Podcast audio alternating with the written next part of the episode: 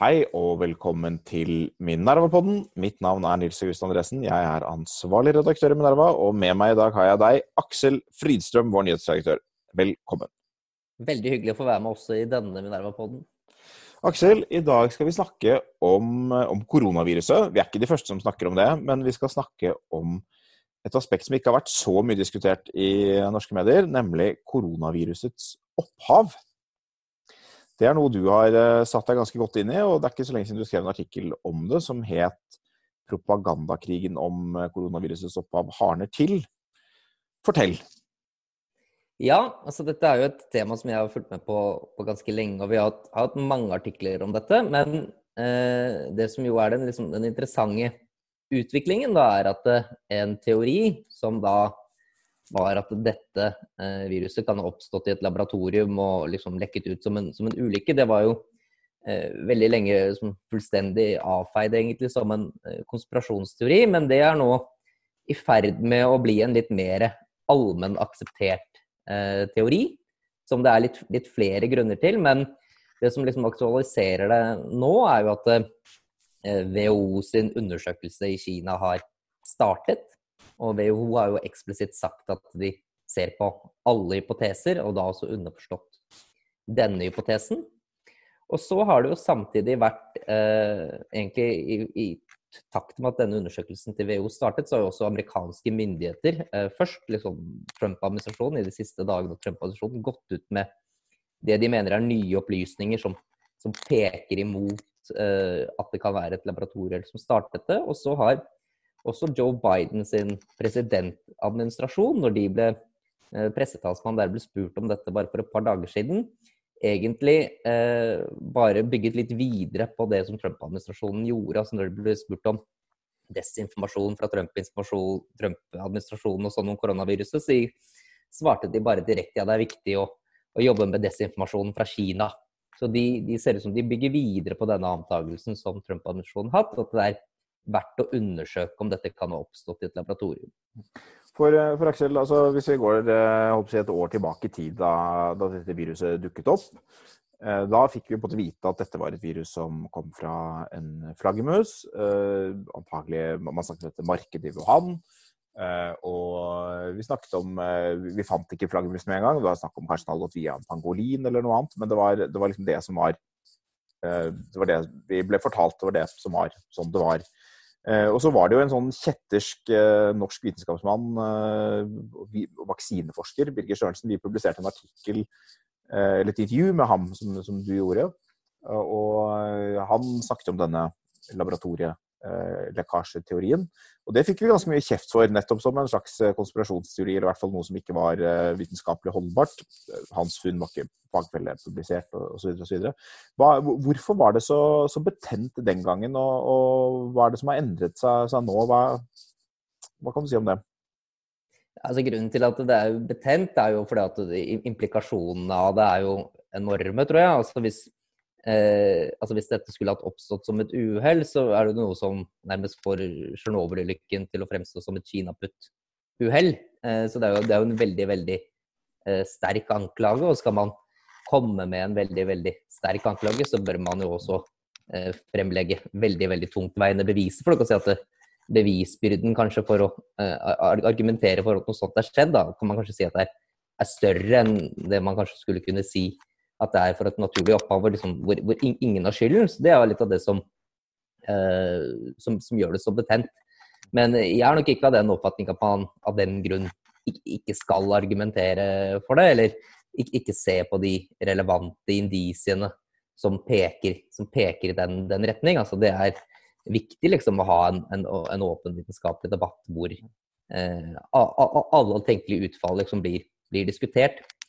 Men hvis vi ser litt på eh, hvordan liksom, utviklingen i, i, denne debatten har vært, eh, og liksom, hva er det som eh, taler liksom, for eh, at en sånn hypotese kan være riktig, så er det mulig liksom, å å strukturere disse argumentene da, fra det som er ganske lett å forstå, til når det blir, det blir veldig vanskelig å forstå. Mm. Eh, og de argumentene som er lett å forstå da, for hvor, hvor, hvorfor en sånn laboratoriehypotese kan være riktig, det er eh, liksom at eh, denne epidemien har jo oppdaget i, i, Wuhan, og det er jo der eh, alle disse kinesiske laboratoriene som forsker på koronavirus er. Så det har jo oppstått på dørstokken til et viruslaboratorium. Eh, og disse viruslaboratoriene det har jo også en historie for, både for å ha samlet på og modifisert slike eh, koronavirus. Og det er jo også en forhistorie i Kina for at de har hatt flere laboratorieuhell med da et, et annet koronavirus, altså det SARS-viruset i 2002-2003, hvor det har sluppet ut av kinesiske laboratorier før. Og det har jo også vært liksom en eh, amerikanske diplomater som har besøkt dette laboratoriet i Wuhan. De har jo også skrevet tilbake, ikke direkte en bekymringsmelding, men hvor de også tar opp at det er et problem at sikkerheten ved dette laboratoriet er, er, er mangelfull. Så det er jo liksom de, de enkle argumentene. Mm. Eh, og de er jo ikke nødvendigvis forskningsbaserte argumenter. altså Det er ikke noe som det som forskere ser på. Det som forskere ser på, er jo mer sånne analyser av virusmassen. Altså kan vi se av dette viruset at det er, liksom, er et syntetisk virus? Eh, og det er det jo noen som, som mener. altså Sørensen da, argumenterer for det. altså Han sier ikke at det er 100% sikkert, men han sier at det er det mest sannsynlige. Mens det er, liksom, er andre forskere som mener noe helt annet. At det kan du eh, eh, overhodet ikke se. ikke sant, Den danske forskeren Christian Andersen. Og liksom, hvem av de to som har rett, altså, det er ikke jeg noe eh, kompetanse til å evaluere. Men det er jo helt klart at Birgit Sørensen blant vitenskapsmenn da, representerer et, et, et mindretall. Det, det, som kanskje er noe av endringen fra, fra debatten for uh, i fjor vår, det er vel at uh, den gangen så ble det liksom altså En ting at Sørensens funn ikke hadde, eller hypoteser hadde manglende støtte, uh, men man fikk nærmest inntrykk av at det dermed var sånn at det var helt usannsynlig. Og jeg tror Andersen, som du, som du, nevnte, professor Kristian Andersen, han, han var liksom dette, er, dette, kan vi nærmest utelukke. Liksom. Det er alt taler for at dette er, er naturlig, altså overført fra dyr.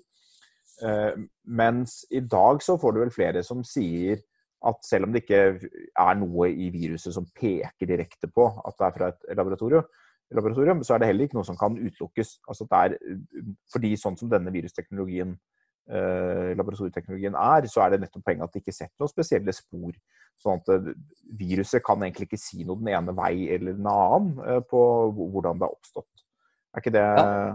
Ja. Det, er riktig, det, er riktig, forstått. Og det er det også han Ralph Barrick på universitetet i, North Carolina også sier. Han er jo en, en, tidligere samarbeidspartner for dette laboratoriet i Wuhan. Og det er han som har flest patenter i verden, tror jeg, på sånne kunstige koronavirus. Og han skriver jo at uh, han tror at det naturlige opphavet er det mest plausibelt, men det er, det er, ingen grunn til å utelukke at det kan ha oppstått som et laboratorieuhell. Og det er ingen måte å kunne vite det egentlig ved å analysere virusmassen. Mm. Altså, en, en analyse, analyse, av virusmassen kan ikke avkrefte at det kommer fra et laboratorium. Nei. Altså, du, du, sa det, Aksel, og at en viktig grunn til at det, at det, var vanskelig å si dette i fjor, var at det selvfølgelig er politisk veldig betent, at det ville være en ekstremt alvorlig anklage.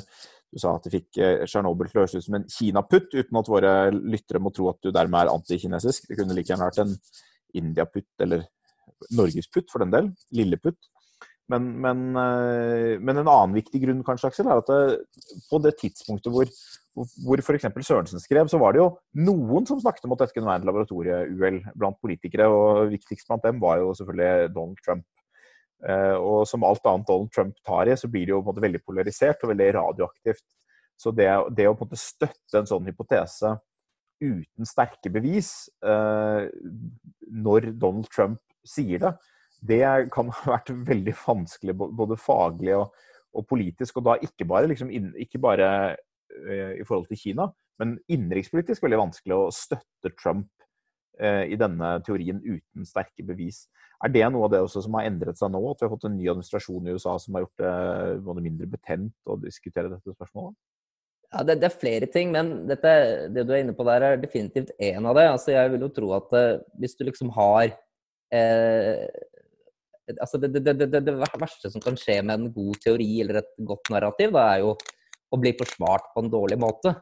Eh, for det bidrar til å devaluere legitimiteten til hele den hypotesen. Og Trump har jo definitivt, tror jeg, i hvert fall gjort det. fordi at han eh, har jo en måte å utøve diplomati på som er veldig sånn in your face-aktig. altså det, det, er viktig å liksom komme med en injurerende anklage, altså China virus og disse tingene, men, men, men, men uten å legge noe substans bak.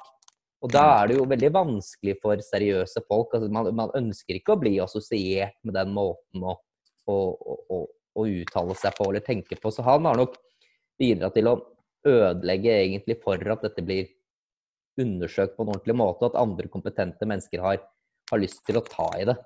Så det er ett element. Eh, det andre elementet er jo det som er litt rent taktisk. ikke sant? Altså Det har jo vært snakk om at det skal komme en undersøkelse fra WHO om dette. Og det ble jo besluttet i, i mai. Og kineserne har jo veldig lenge, og vellykket egentlig, klart å, klart å utsette dette gjennom, gjennom ulike triks. Altså Det ene de har gjort, er jo at de har delt opp denne undersøkelsen i ulike faser, da, hvor fase én er noe som bare kineserne gjør. Og den, hvor den må bli ferdig før fase to kan komme i gang. Så har jo de sørget for at fase én varer veldig lenge, slik at det tar lang tid for noen andre enn kinesere får lov å komme inn og se på materien. Og det andre er jo at de har eh, gjennom ulike liksom, triks og sånn begynt å krangle litt på hvem er det som skal være med i denne kommisjonen, slik at det blir lang tid å godkjenne det teamet som får lov til å reise til Kina, har gjort veldig mange ting for å forsinke at det kan komme i gang. Eh, og det er jo klart at det, jo flere eh, argumenter som kommer for at WHO skal begynne å se på denne hypotesen om at det kommer fra et laboratorium, jo desto større, sterkere incitament har jo også kineserne for å forhindre at de skal reise inn. Så jeg tror ikke at det er jo ikke tilfeldig at nesten med en gang hele dette WHO-teamet var ankommet i Wuhan, så gikk jo amerikanerne ut med eh, nye opplysninger som de mente at det pekte mot at dette kunne oppstått et laboratorium, som de da ville at WHO skulle se på. Slik at det er en kontekst som de tar med seg inn etter at de har kommet til Kina, hvor kineserne jo ikke lenger kan kaste ut dette teamet uten å eh, skape, skape, sin egen troverdighet og lage en, en diplomatisk krise. Da. Du, du, snakket om eh, både forståelige og mer kompliserte årsaker til å, å si at en, en laboratorie Eh, et laboratorieopphav kan være plausibelt. Eh, og De forståelige grunnene er laboratoriet i Wuhan ligger i Wuhan. Eh, det ligger ikke der hvor disse virusene oppstår naturlig, så virusmodeller har kommet seg dit på, på annen måte. Det er også snakk om uh, ulike virus de har jobbet med tidligere, som, du, som, vi har skrevet om før i, i Minerva. RATG13 er det mest kanskje omdiskuterte av de virusene. Men en annen Eh, en annen innfallsvinkel her er jo å se på hvem andre typer kunnskap som man kan ha om dette viruset. Eh, og et interessant aspekt er at spesielt i etterretningstjenestene så kan det virke som denne laboratoriehypotesen hele tiden har stått litt sterkere enn andre steder. Eh, og mye sterkere enn hos virusforskere. Tre eksempler på det er tidligere sjef i den britiske etterretningstjenesten, tror han heter Richard Dearlow. Skal ikke banne på det. Han heter det. Han heter det. Han heter det. Uh, tidligere sjef i MI5, som, som, jo siterte Birger Sørensen da han var ganske tidlig ute med å si at han, han selv trodde at dette sannsynligvis var en laboratorielekkasje. Og Det er jo litt interessant at han måtte siterte en norsk vaksineforsker for å komme med en så spektakulær påstand. Og man kunne måte mistenke at han hadde annen informasjon. Her tar jeg alle mulige forbehold, dette, dette, er jo på en måte spekulasjon. Og han var jo ikke da lenger faktisk sjef for MI5. Man kunne liksom tenke seg at han hadde informasjon fra etterretningstjenesten for å komme med en så spektakulær påstand. Andre som har, har uttalt seg om det, litt sånn eh, tilfeldig og interessant, det er, eh, jeg tror det var du som kom over, Aksel, at svensk etterretning, eller svensk uh, Totalforsvarets forskningsinstitutt, tilsvarende ja. Forsvarets forskningsinstitutt i Norge. Ja. De uttalte seg også om dette på et eller annet tidspunkt, hvor de mente at dette var en plausibel hypotese, og hva slags grunnlag de hadde for å si det. det. det er ikke så godt å si, og hvorfor de skulle uttale seg om det, er heller ikke så godt å si. Det, det, kan jo godt hende at de slett ikke hadde noe grunnlag for å si det, men det er jo sånn, nok en gang fra et militært perspektiv så dukket dette opp. Og sist, men ikke minst selvfølgelig amerikansk etterretning, eh, som har eh, pekt på dette. Det er vanskelig å skille det konkret fra Trump-administrasjonen, ikke minst fordi etterretningen ble relativt politisert i hans, hans, periode. Men det er i hvert fall eh, et tredje eksempel, og det er nettopp det det siste du pekte på, at da de hadde landet i Wuhan, så kom det opplysninger som var nettopp av etterretningsmessig karakter om bl.a. sykdom med koronalignende symptomer hos ansatte eh, ved Wuhan-instituttet. Osv. Som jo ikke er liksom biologisk forskning og medisinsk uh, kunnskap, men nettopp etterretningsopplysninger. Så jeg vet ikke om man kan tenke seg at uh, du, du, nevnte at liksom, da, de landet så ble endret dette seg. Man kan også tenke seg at europeiske etterretningstjenester har hatt informasjon som kan peke i en eller annen retning, eller kan gjøre et scenario mer eller mindre plausibelt, som man ikke har gått ut med nettopp av hensyn til hvordan disse undersøkelsene skal kunne gjennomføres. Ja, og så er det jo sånn, tror jeg, at eh, etterretningsorganisasjonene de ser nok på et mye bredere spenn av informasjon enn det eventuelt virusforskere gjør. ikke sant? Også virusforskere de ser på en analyse av virusmassen og hvordan kan det liksom, et sånt virus ha oppstått, og liksom hva er sporene som peker en det kan komme fra naturen etc. og den type ting. Mens etterretningstjenesten ser på, på, på, ting som forskningen egentlig ikke berører ved, ikke sant? Altså har, har en, annen, en annen form for, eh, for informasjonstilfang. Og blant liksom de tingene som du kan si at sånn typisk etterretningstjenesten vil kunne være opptatt av å se på, er jo litt sånn hvordan er det kineserne har, har opptrådt. ikke sant? Altså, altså, Opptrår de på en måte som er eh, veldig tillitsvekkende, eller opptrår de på en måte som bidrar til å, liksom, å, å undergrave tillit?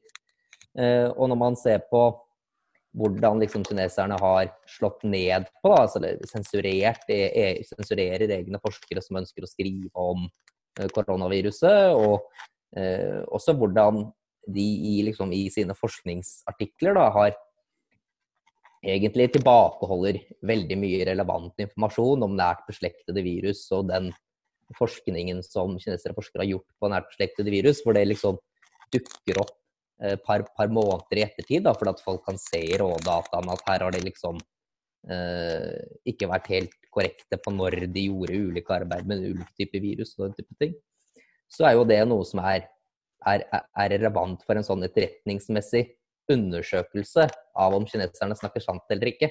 Men det er jo ikke så relevant for et forskningsmessig spørsmål om akkurat når et virus ble sekvensert. Det er ikke det uh, virusforskere vanligvis ser på. Det som er litt interessant, som er et sånt problem for et regime som, som Kina, som er et autoritært regime som jevnlig tilbakeholder informasjon av uh, alskens art for, av ulike grunner, det er at man kunne godt tenke seg at det, eh, det ikke altså, La oss si at det, det slett ikke er et laboratorieuhell, at det, kommer fra eh, en, en, flaggermus via en pangolin som på en eller annen måte fant veien til, til Wuhan. Det er jo fullt mulig, vi mener ikke å konkludere i det spørsmålet i det hele tatt. Så kan man likevel se for seg at Kina har vært veldig restriktiv med å tilbakeholde informasjon av tusen mulige forskjellige grunner. At det er et eller annet som er pinlig for Kina som ville kunne bli avslørt hvis de ga full tilgang, eller at de, de, er bare vant til å holde informasjonen ekstremt uh, tett i brystet. Hvis det er et eller annet som har, annet som har skåret seg, så, så, så, er man vant til å ikke gi ut informasjon. Man har ingen tradisjon for den type åpenhet som, som mange av oss uh, i Vesten kanskje forventer. Og så skaper man en situasjon der man på en måte ser ut til å handle veldig mistenkelig hele veien. Så en sånn, Vi er på en måte konsistent med flere mulige scenarioer. Men, uh, men Aksel, du sa altså denne, denne forskjellen på en etterretningsmessig vurdering, en, etterretningsmessig og politisk vurdering av egentlig hva som er plausibelt og hva som er tillitvekkende osv. Og, så og en virusmessig eh, vurdering. Det er to litt ulike ting. Men det finnes noen som måtte ha kombinert dette litt. Grann. En som har blitt en slags superstjerne innenfor dette, dette feltet. Fortelle litt om det? Ja, så Hun har jo jeg intervjuet en gang, eller to ganger faktisk, på Minerva. Det er jo hun, eh, Elina Chan, heter hun, som er eh, forsker tilknyttet MIT Broadway av, uh, i USA. Og hun er jo blitt en sånn, holdt jeg på å si, denne laboratoriehypotesens liksom sånn rockestjerne, nesten, da, ved å, ved å, diskutere med andre på Twitter og systematisere informasjon og, og lignende. Og hun eh, Jeg tror litt av grunnen til at hun nettopp er den som er eh, nå mest kjent eller assosiert med den, denne teorien, er jo at hun er veldig nyansert. Altså Hun hopper ikke inn i alle mulige sånne confirmation bias-feller. da, så Det er jo mange som liksom tar opp med henne hele tiden hvis man følger med på Twitter og uh, sier ja, dette må jo vise at dette kommer fra et laboratorium. Men uh, der svarer jo hun veldig ofte nei. altså det, det, det, det trenger det ikke bety. altså det, kan, det er kanskje en indikasjon på det, men det er ikke noe, noe konkluderende bevis. Og hun holder jo i og for seg alle muligheter åpne og syns at det kan komme fra naturen, det kan komme fra et laboratorium. Men det er liksom ganske gode argumenter for at det kan komme fra et laboratorium. Uh, og hvor hun liksom er, er, flink til å liksom ikke være for absolutistisk. Da. Så hun, det gir, gir henne veldig mye troverdighet, syns jeg, da, på måten hun behandler veldig, dette er jo, dette er jo Minervas drøm, at man skal kunne bli superstjerne ved å være ganske nyansert og si på den ene siden på den annen side, og vi kan faktisk ikke konkludere så veldig sterkt. Det, men eh, Vanligvis er det jo ikke sånn, men i dette tilfellet er det kanskje blitt sånn litt fordi, eh, fordi det har vært et felt der det lenge, jeg vet ikke akkurat hvor lenge, men jeg vil si frem til sent på høsten i fjor i hvert fall, så var det nok opplevelsen at det var veldig få seriøse forskere og, og andre, og dermed også politikere og sånn, som egentlig turte ta i denne Kina-hypotesen overhodet. Og det er jo like mye, tror jeg, av, av liksom interne grunner som av bare forhold til Kina, selv om det selvfølgelig er en, en, en reell og sterk begrensning for å komme med påstander man ikke kan backe opp. Men det, både, det handler litt om at dette er en, eh, det er en situasjon der det finnes a priori ulike plausible hypoteser, og hvis man opplever at en av hypotesene ikke kan forfølges, så vil det skape, det skape et sterkt ønske hos mange om dette må vi jo kunne snakke om.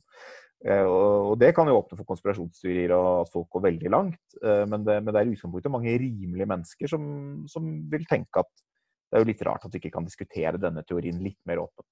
Og i det landskapet har vel kanskje Lina Chan eh, ja, en sånn stemme som de har kunnet gå til, som er en åpenbart ikke gal person, liksom. En åpenbart rimelig person som eh, ikke hopper til konklusjoner og ikke, eh, ikke, dytter det lenger enn det det er liksom, grunnlag for, men som sier vi må, det, er, det er åpenbart hva som er grunnene som gjør at denne hypotesen er mer eller mindre plausibel a priori, og det må vi kunne snakke om. Liksom. Ja, og det er jo ikke tilfeldig, tror jeg, at det er hun som ofte figurerer som intervjuobjekter når det er de For nå er det jo flere seriøse amerikanske medier som, som ser på dette, og det er det som regel hun som er eh, liksom stjerneintervjuobjekt, holdt jeg på å si, og det er jo nok ikke tilfeldig. Så jeg tror også at hun har jo nok også gjort et ganske betydelig bidrag for at WHO eh, nå også sier at de kommer til å se på den hypotesen når de er der nede. Noe jeg betviler at det kinesiske regimet er, er, er veldig begeistret for, da, for å si det sånn. Mm. Hva, hva, tror vi selv, Aksel? Er dette, hva er konklusjonen? Eh, jeg har ikke noe kompetanse til å si at det er verken det ene eller det andre, men det jeg mener at det er grunnlag for, eh, det er å se på denne hypotesen veldig nøye. Og det er veldig viktig også for, si, for vitenskapens troverdighet. Da. At man også er i stand til liksom, å utkvittere eh, det, den hypotesen. Mm. Eh, fordi at hvis den er eh, feil, så er det jo veldig viktig for å kunne i så fall renvaske dette laboratoriet i Wuhan. Men hvis det er riktig, så har jo dette også ikke bare implikasjoner for kineserne, men det er også et spørsmål om hva slags type virusforskning skal være lov. Ikke sant? For hvis dette har oppstått som et uhell, så er det jo helt klart at det, det har oppstått en situasjon der hvor enkelte forskere egentlig uten veldig mye checks and balances kan ta ekstrem risiko på vegne av hele menneskeheten, egentlig, liksom i jakten på det neste medisinske gjennombruddet.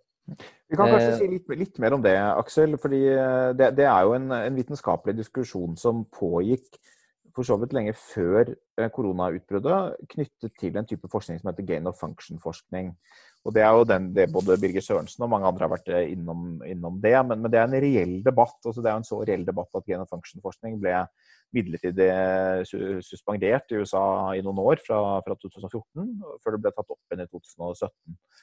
Uh, og, og, det man gjør med sånn gain of function, det er at man nettopp utsetter virus for uh, de, de, går gjennom en utvikling som gjør at de f.eks. kan bli mer smittsomme. Og man prøver på en måte å foregripe hvilke ting som kan skje, som at man kan utvikle vaksiner eller finne behandling osv. Faren er jo selvfølgelig at man da også risikerer å utvikle virus som, som er mer smittsomme eller som kan være mer skadelige. Og hvis de kommer på avveie, så, så har de et mye større skadepotensial enn det de opprinnelig hadde. Eh, og så må man jo da veie fordeler og ulemper med denne type forskning. Ulempen er risiko, fordelen er at vi kan være bedre forberedt. Og, og tilhengerne vil jo si, også om koronapandemien, ikke sant, at pga. denne type forskning så, så, kan vi være bedre forberedt. Og om vi var det denne gangen, det, vet jeg ikke om de vil si, men at vi i hvert fall kan være det eh, før neste. Situasjonen eventuelt skulle oppstå. Så, så vil jo jeg si altså det, og, det, og det har blitt viktig internt i forskningsmiljøene, som gjør at de som er veldig tilhengere av gain of function-forskning, de har jo vært kanskje enda mer kritiske til denne laboratorieteorien eh, enn andre. Mens jeg mener nok litt at eh, uavhengig av hva som er svaret eh, i denne konkrete situasjonen, så, så, er det vel kanskje rimelig å si at eh, denne type, denne type virus peker på farene ved, ved gain of function. For selv om det ikke har skjedd en lekkasje her, vet vi at det har skjedd andre ganger. Og vi vet at dette viruset er kompatibelt med akkurat det som kan skje i, en, i, i den type forskning. Så, så, det er jo et av de spørsmålene som jeg tror nok vil komme vil stå ganske sentralt i virusforskningen uh, fremover. Tror du ikke det? Ja, altså jeg tror at man uansett bør se på dette gain of function-greiene uavhengig om man kommer til bunns i eh, hva som har forårsaket akkurat eh, denne koronapandemien. Eh, for meg så, så minner det, det, det, gain of function-eksperimentet det, det, minner litt om altså det som liksom grekerne kaller for, for, for, for hybris. Mm. Altså hvor man eh, eh, Jo, egentlig, man har jo liksom nesten funnet kurer for nesten alle de sykdommene som vi, som, som vi har, eller vaksiner, eller nesten, nesten, alle farlige sykdommer. Så nå har man liksom flyttet den medisinske frontieren til å eh, forsøke å oppdage pandemier før de eh, finner sted, og så liksom utvikle medikamentene i forkant. Eh, og Det kan jo være en god intensjon, men det kan jo også være at det er også veldig risikabelt. Altså, det er jo potensielt liksom som å lete etter en, en gasslekkasje med tent lighter. Eh, fordi at hvis du liksom faktisk lykkes med å skape et veldig farlig virus, så har du jo også produsert en risiko. Mm. Det, sannsynligvis så vil jeg tenke, Mitt syn er at sannsynligvis vil vi aldri få et ordentlig definitivt svar. Eh, eller i hvert fall, Det er god sjanse for at vi aldri får et ordentlig definitivt svar på dette. Hva, hva, man tror har skjedd så, så, lenge vi ikke får noe definitivt svar, så vil jo hva man tror egentlig avhenge litt av om man stoler på kinesiske myndigheter og på Wuhan-instituttet med de forsikringene de gir, eh, eller om man ikke gjør det. For jeg, jeg, tror ikke vi kommer til å finne definitive svar i liksom selve virusets komposisjon som sådan. Uh, og jeg er ikke en sånn som har veldig tillit til Kina per se. Jeg, jeg vil legge til at jeg tror ikke jeg ville hatt veldig tillit egentlig til, til nesten noen i den situasjonen. Uh, med litt Kanskje ikke helt riktig, men, men, det er jo sånn Det er jo åpenbart veldig sterke grunner for å forsøke å hemmeligholde dette dersom det skulle ha skjedd. Ja. Uh, det ville det vært for, i ethvert tilfelle. Så det ville, det ville vært i vestlige land også, at man kan se for seg at man ikke hadde ønsket at den informasjonen skulle komme ut. Og så blir det vanskeligere og vanskeligere å, å gjøre noe med det også når, det, ting har gått langt. Det er, det er, to ting som både ville kunne avgjøre denne eh, To ting som ville kunne avgjøre spørsmålet. Det ene ville være om man faktisk fant viruset eh, i naturen på en troverdig måte. altså en, at noe som hadde vært der i flere år. At man fant eh, hvert dyret. Og det er jo noe som kan ta mange år å, å finne, og som man til slutt kan tenke seg at man finner. Eh, det andre som vil kunne avgjøre saken mer i laboratorieteoriens eh, favør, holdt jeg på å si, det er jo man, om noen står, skulle stå frem, mer eller mindre. Eh, en eller annen avhopper eller, eller andre typer data fra, fra, laboratoriet eller fra dem som har jobbet der. Det er jo noe som vil kunne liksom, peke i den retningen. Eh, men det er ganske sannsynlig at vi nok kanskje aldri kommer helt til bunns i dette spørsmålet. Det betyr at vi må lære oss å, lære oss å leve med at det fins for så vidt to plausible forklaringer på dette, hvorav den ene er politisk ekstremt betent, uh, uten at vi nødvendigvis vil få sikre svar. Jeg kan bare si én ting også, dette med, med, med vertsstyret, altså mellomverten. at det er jo Eh, nå er jo ikke denne eh, mellomverten kjent, men eh, i seg selv så er det egentlig et, et indisium som peker i, i, i, i retning av laboratoriehypotesen. Ikke sant? Altså Hvis du hadde funnet mellomverten, så ville det jo fullstendig avkreftet laboratoriehypotesen. Men jo lengre tid det går uten å finne dette dyret som smittet over til mennesket, desto eh, mindre sannsynlig er det jo nettopp at det finnes et dyr som har smittet over til mennesker. For man vet jo at dette viruset er jo veldig smittsomt. Så hvis det kom fra et dyr, så skulle man tro at det var veldig mange dyr som hadde det. Eh, og med andre SARS-epidemier eh, så har man jo funnet det dyret ofte ganske fort. Altså med SARS-epidemier.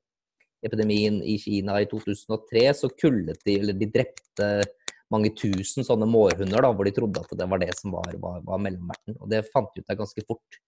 Også denne MERS-epidemien, som vel smittet over fra Eh, kameler, men hvor det ikke var menneske til menneskesmitte. Så det var en veldig begrenset eh, epidemi, selvfølgelig. Det var egentlig ikke en epidemi, det var bare noen som ble syke etter å ha vært i kontakt med kameler. Der fant man jo også ut av det eh, ganske fort. Mm. Uh, så det at man ikke har det dyret, det peker jo i retning av at det kan være et, en, en, en laboratorielekkasje. Men det er ikke i seg selv nok til å si at det, det er det. Eh, og, men over tid så liksom peker jo det at man ikke finner et vertsdyr i Det styrker laboratoriehypotesen på et eller annet vis. Men um, skal vi gå inn for landing? Det skal kanskje si en, en, en, kort ting til. Da, Vi skal inn for landing, det var det jeg skulle ja, si. Så hvis du har en kort ting ja. til å si, så er nå tidspunktet for å gjøre det. Nei, så det Jeg tror at denne debatten vil være ganske spennende å følge fremover. fordi at nå eh, forsøker jo eh, liksom amerikanske myndigheter å påvirke dette WHO-teamet som er i Kina, til å se på en del ting. Og eh, så Selvfølgelig så er det liksom naturlig å tro at det vil komme litt sånn drypp eventuelt fra amerikanske myndigheter til å forsøke å påvirke den undersøkelsen.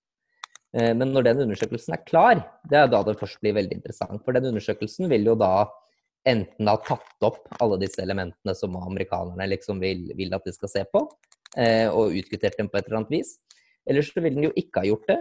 Eh, og da er det kanskje naturlig å tenke seg, det er i hvert fall det hun pressetalsmannen fra til Joe Biden sa på pressekonferanse i forrige uke, at de nå gjør sine egne undersøkelser. Amerikanerne gjør sine egne undersøkelser som de truer med å publisere, da, hvis ikke de tror at denne WHO-granskningen gjør dette grundig nok. Og da tror jeg nok vi skal få en ganske interessant debatt om dette fremover. Det blir spennende å følge, og det kan dere helt sikkert lese mer om i Minerva, som er norgesledende på dekningen av akkurat eh, dette aspektet ved pandemien. Men enn så lenge går vi inn for landing. Ha det godt.